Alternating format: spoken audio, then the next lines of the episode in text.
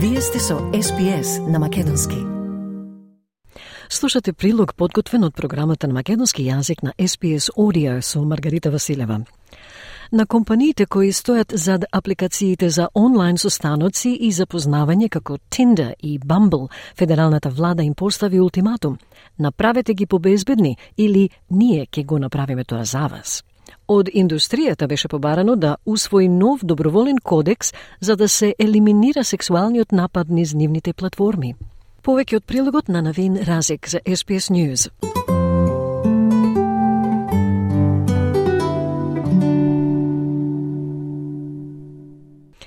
Запознавањето преку интернет се рекламира како место каде може да се обезбеди се, од пролетни врски до животни партнери. Но владата на Албанезе сака гаранции дека оние што ќе најдат љубов на интернет нема да бидат изложени на ризик.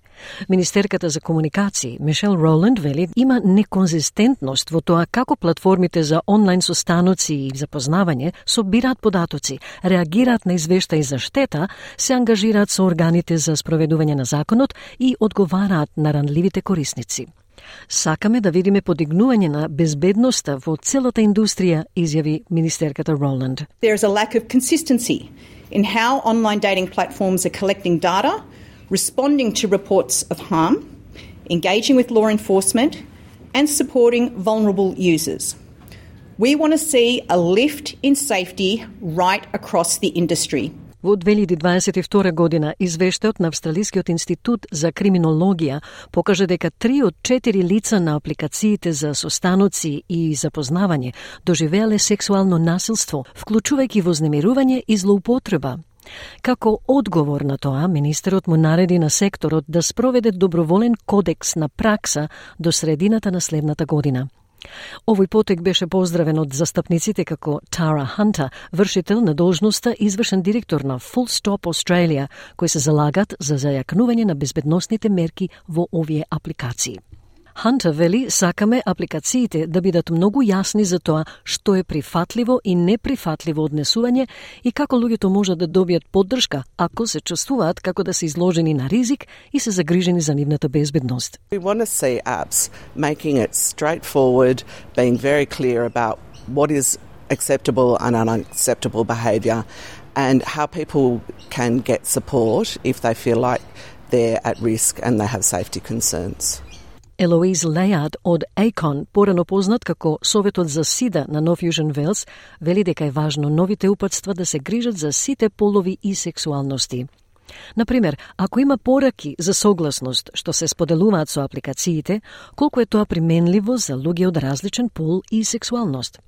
Таа смета дека постои можност да се прилагодат тие информации и да се осигура дека сите имаат пристап до информации за тоа Како можат да ги направат овие простори побезбедни и фокусирани на заедницата? You know, if for example there's consent messaging that's being shared through the apps, how applicable is that to people of a variety of different genders and sexualities? I think there's a, an amazing opportunity to tailor that information and make sure that everybody has access to information about how they can make these sort of spaces safer, more community focused. Кодексот доаѓа по одржувањето на тркалезна маса во јануари, која ги здружи групите за поддршка на жртви на сексуалното насилство и индустријата за запознавање.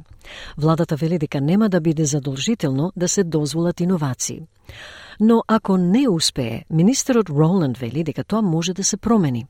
Владата сака да има постепен пристап во фази за регулаторната интервенција во овој простор.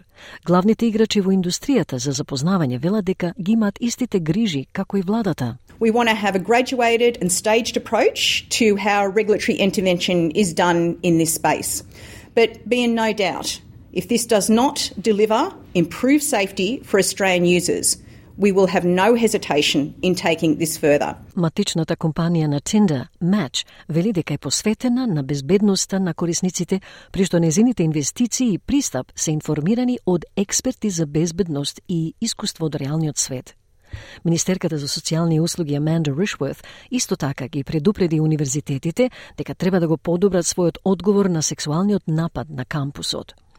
Ова уследи по жестокиот извештај на Сенатот објавен минатиот петок за законите за сексуална согласност, според кој еден од 8 студенти биле малтретирани и еден од 20 нападнати додека студирале. There is just too much of this type of behavior going on. My call to universities uh, is that they need to take this seriously.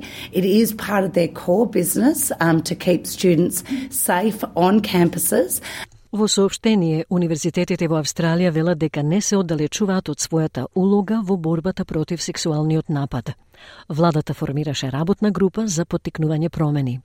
Ако ви треба поддршка, 24-часовното советување од 1800 Респект е достапно на телефонскиот број 1800 737 732 или на Lifeline на 13 11 14. Во итен случај, повикајте на телефонскиот број 000.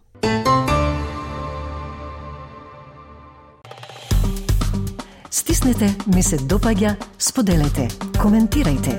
Следете ја SPS на Македонски на Facebook.